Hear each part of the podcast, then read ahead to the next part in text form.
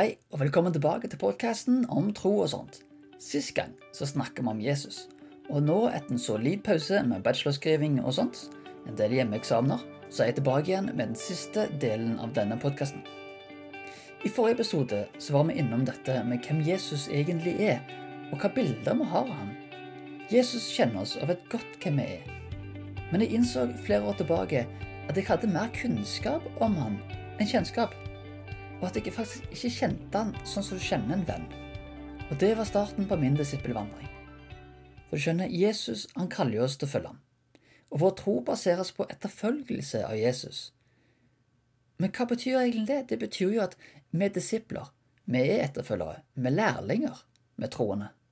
Men alle disse titlene gir ikke helt mening hvis vi ikke vet hvem vi blir disippelgjort av, eller hvem vi følger etter, eller hvem som er læremesteren vår, og hvem vi tror på. Disse tingene er viktige, for hvis jeg er en lærling av en som jeg ikke kjenner, så er det himla vanskelig å bli bedre i mitt yrke. Og hvis jeg følger etter en jeg ikke kan se, hvor i alle dager skal jeg gå? For når jeg var yngre, for å gi et eksempel, så var jeg fan av en som heter Tony Hawk. Han er og var en av verdens mest kjente skateboardere. Og meg og broren min satt og spilte Tony Hawk i kjelleren på PlayStation og syntes at Tony han var en kul type. Inspirert av den skateboarderen så tenkte jeg at vet du hva, det her kan jeg gjøre. Så jeg våga meg ut på rullebrettet og skulle innta verden med storm. Jeg tok meg ca. to sekunder og innså at jeg var ikke som Tony. Og når jeg satt der, flatt ut på asfalten med skrubbsår, og funderte på hvorfor ikke jeg var så flink som han, så innså jeg at å bli lik en annen tar tid.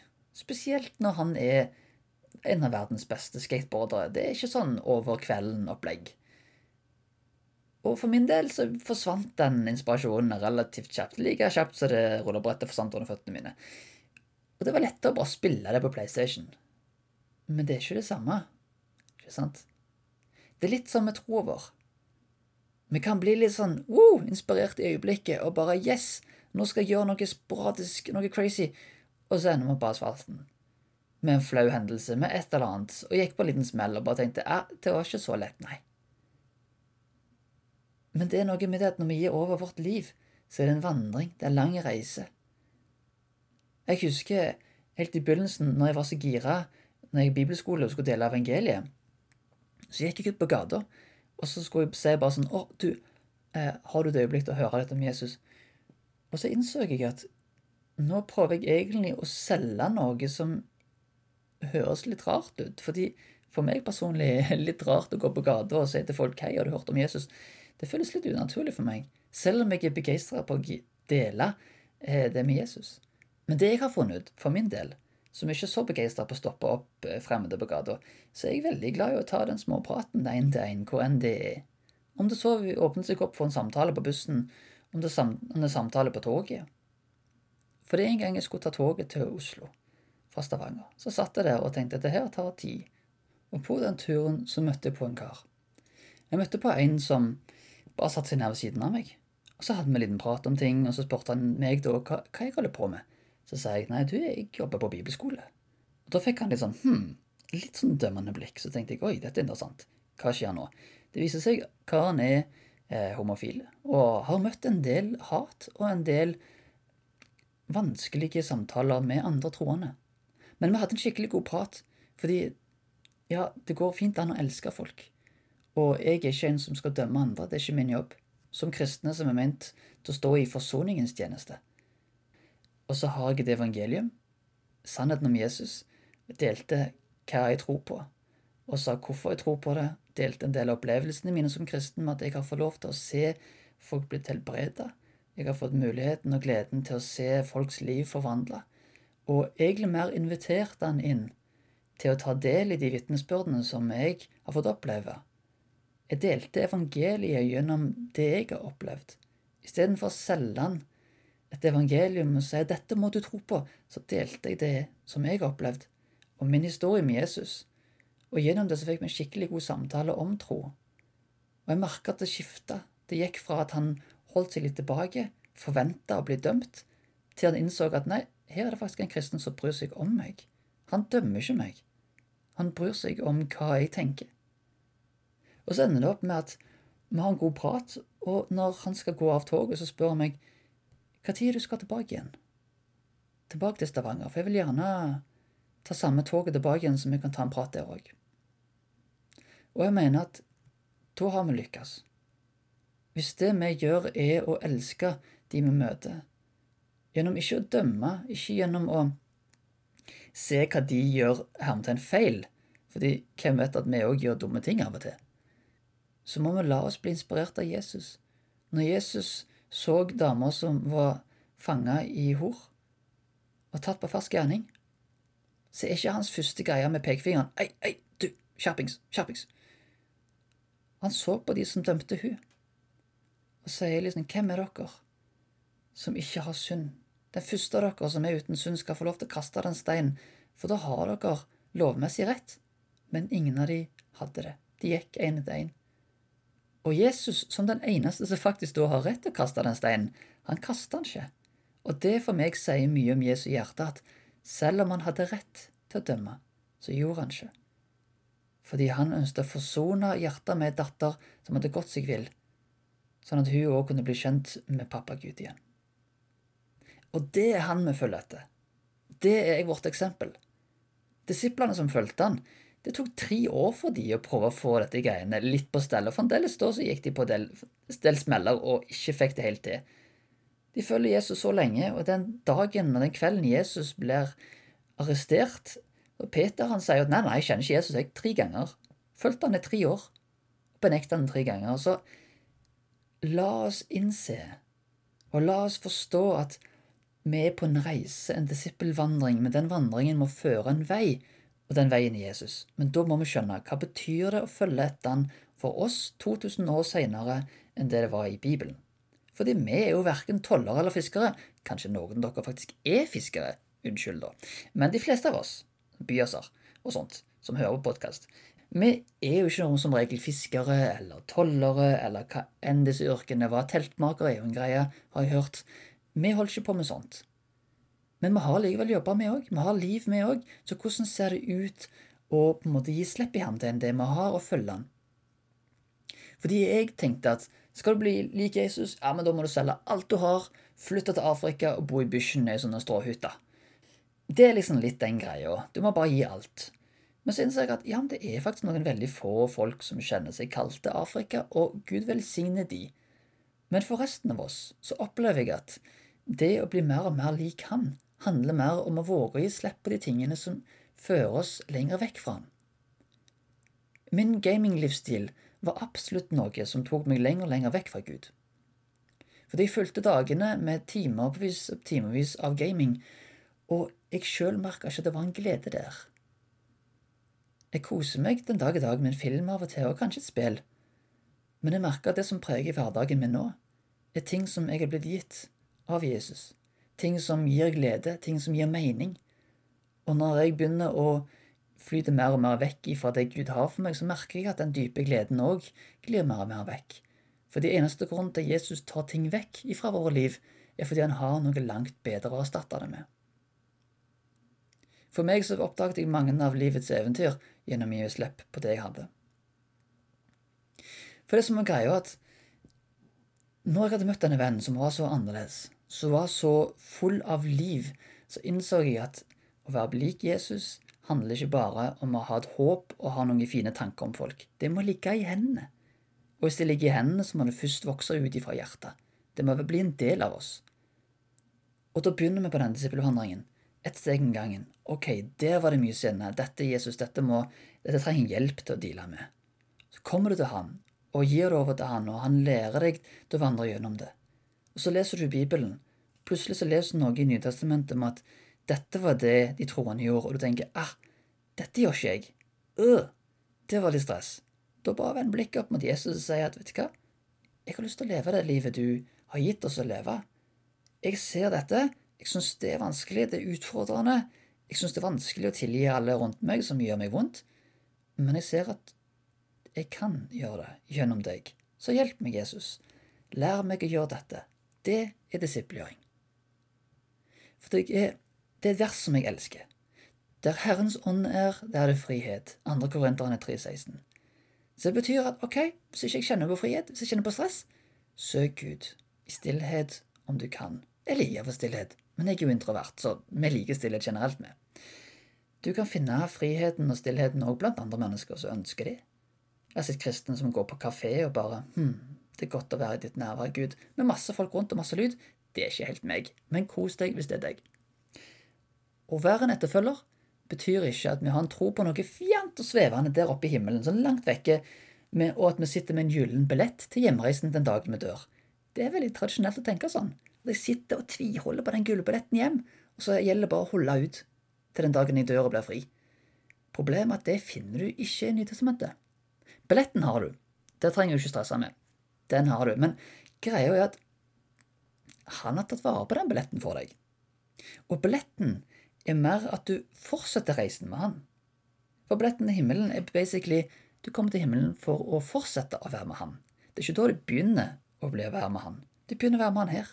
Begynner å bli mer lik han her. Men det funker ikke sånn at din relasjon begynner på alvor når du kommer til himmelen. Den er ment å begynne nå. Det betyr at vi har løftet om himmelen, men at livet vårt kan bli forvandla her og nå mens vi lever på jorda. Og Det handler ikke om hva vi burde gjøre, og sånt, men det handler om å bli kjent med Jesus og la hans kjærlighet transformere oss, forvandle oss i hans likhet. Det er Jesus i oss som må håpe til herlighet, står det i den gode boka. Men det tar tid å bli disippelgjort. Og det er greit. Nå trenger du ikke stresse og tenke at ei, i morgen skal jeg bli helt lik Jesus. Det kan ta tid, og det er helt greit. Disiplene de brukte jo tre år. Det er fremdeles, som jeg nevnte, ting de kunne bli bedre på etter den tida òg. Vår rollemodell Vårt ideal er Jesus. Så hvis du leser Bibelen og du ser at Jesus gjorde noe som du sjøl ikke klarer å gjøre, ja, men la det bli en bønn, da. Jesus, lær meg å tilgi folk som han gjorde. Jesus, lær meg å ha den freden midt i stormen som du hadde. Selv midt i dette kaoset, selv midt i sykdom og død og uro, så har du en fred fordi du blir ikke urolig, Jesus, av at ting stormer. For spørsmålet er, og nøkkelpoenget med hele greia her er, har min tro til Jesus en reell påvirkning på hverdagen min? Tygg litt på den. Har min tro til Jesus en reell påvirkning på hverdagen min? For hvis troen vår på Jesus kun er en sånn tankegreie som sitter kun i hodet, da har vi bomma på hele greia. Da anbefalingen som jeg kan gi deg, og meg sjøl, sette deg ned i godstolen, lese litt i Det nye testamentet, se hva Jesus gjorde i evangeliene, så vil innse at å, troen er ikke bare i hodet. Det må være i hendene. Hva er det du er gira for? For det er en sjanse at Gud har plassert i hjertet ditt en nøkkel til frihet for andre. Kanskje du er faktisk en fisker, og du tenker ja, men må jeg gi opp fisket mitt for å bli mer lik Jesus? Nei, det trenger du ikke nødvendigvis, med mindre han spesifikt sier at du skal, men det er en sak mellom deg og han. Jeg tror at når vi inviterer Jesus inn i arbeidsplassen vår, i studieplassen, hvor enn det er i familien, så kan vi ta del i hans forvandlende kraft og faktisk få lov til å være en så positiv påvirkning at det får en sånn ringvirkning. Du viser godhet til din nabo. Naboen tenker wow, her var det noe mer enn bare godhet, her var det faktisk liv, det var kjærlighet, det var kraft. Det kan være at han ikke bruker de ordene, men det blir en forvandling som skjer i hjertet hans. Og så begynner han å merke at jeg òg har lyst til å være god med andre. Jeg har lyst til å bli kjent med denne Jesus og denne naboen min jeg kjenner. Så skjer det, vet du. For hvor enn Jesus gikk, så begynte folk å undre seg hvem er denne Jesus? Hvem er denne karen? Og det merker jeg at det har jeg lyst til å bære sjøl. Jeg har lyst til å henge med ungdom, og jeg har lyst til at de skal se på meg og tenke at oi, jeg kan faktisk leve på en annen måte jeg kan faktisk leve med en frihet og en glede og en iver som ikke kommer ut fra hvor stor lønning jeg har, hva mobil jeg har, hva stoff jeg eier, men hva jeg faktisk bærer på innsida. For greia er at hvis du står i en storm og du ikke kjenner fred, så er freden der for deg. Fordi jeg, har vært gjennom sykdom og plager og mye rart i de siste ti årene av livet mitt. Alt fra utbrenthet til all slags stuff som ikke har vært noe gøy å være gjennom. Og jeg merka at midt i de stormene så var det Gud som var den eneste freden jeg kunne søke. I den tida når jeg var så sensitiv til lyd og lys at jeg klarte ikke engang å se en Det var helt umulig å se en actionfilm. Det var ikke sjans å gå på kino. Ha, ikke mulig. Det var altfor mye impulser. Jeg klarte det ikke. Tenker deg det. Når du er slutten av 20-årene, er jo relativt ung mann. Kan ikke gå på kino, for det er for mye. Det kan være noen dere gjenkjenner det og har slitt litt med de samme tingene. Men når du føler deg såpass svak og egentlig ment å være i din friskeste alder, så er det noe med at hvis du ikke har den trygghet i Jesus da, så kan veldig lett angsten og depresjonen ta deg. Jeg hadde mitt håp i Jesus. Jeg lente meg mot han. Det så ikke ut som jeg preste meg sjøl til å ha fem timer bønn og stilletid og faste. Av og til var det bare et lite sukk. Det var sånn Å, Jesus, takk for at du er her i dag. Takk for at jeg kan stole på deg. Så tente jeg stearinlys. Så var jeg der i stillhet. Jeg sa ikke noe engang av og til. Kan være at jeg hørte på Bibelen, lydbibelen bare for å ha noe positivt input. Hvis jeg velger å se på Netflix stor del av dagen, så vil jo verdiene og inntrykkene fra det jeg har sett på, prege meg og hvordan jeg tenker. For det jeg har lært meg, er at det du gir fokus til, det vokser. Hvis jeg velger å se på nyhetene dag inn dag ut, så vil jeg nok mest sannsynlig bli veldig urolig for denne koronagreia.